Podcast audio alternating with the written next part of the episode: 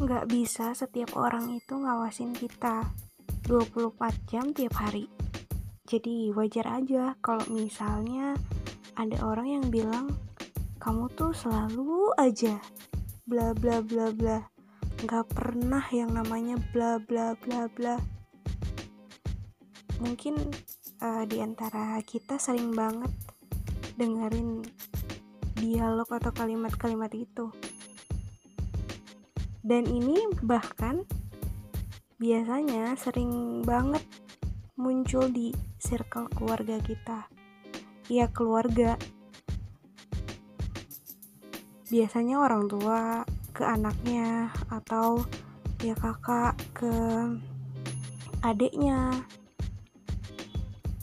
Bahkan di seminar-seminar uh, apa namanya seminar-seminar parenting atau seminar-seminar pranikah biasanya tuh suka suka ada. Dan biasanya yang yang selalu uh, jadi bahan atau topik untuk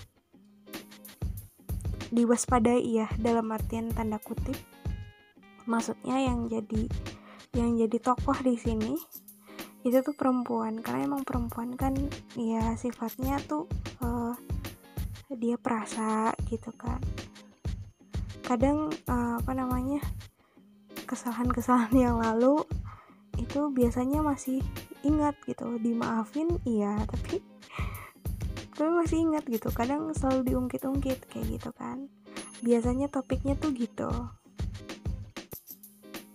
Ibaratnya ya keluarga aja nggak sampai ngeliatin kita tuh selalu 24 jam tiap hari gimana orang lain sahabat kita uh, teman-teman kita gitu kan. Bahkan teman yang paling deket pun itu nggak nggak bisa ngaw uh, apa nggak bisa tahu gitu. Kita selama 24 jam tuh ngawasin aja gitu. Ngawasin ngawasin kita ibaratnya. Ya orang yang sekeluarga aja nggak bisa 24 jam kan. Yang tinggal serumah gimana ya nggak serumah pada intinya yang merhatiin kita ngawasin kita tiap hari. Jam menit detik ya cuman Allah aja. Jadi emang yang tahu persis ya Allah gitu.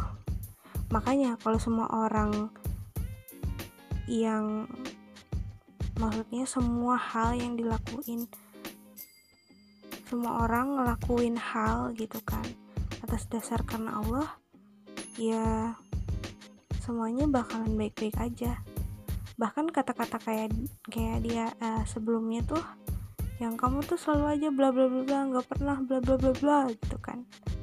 Itu tuh uh, jadi nggak masalah gitu. Karena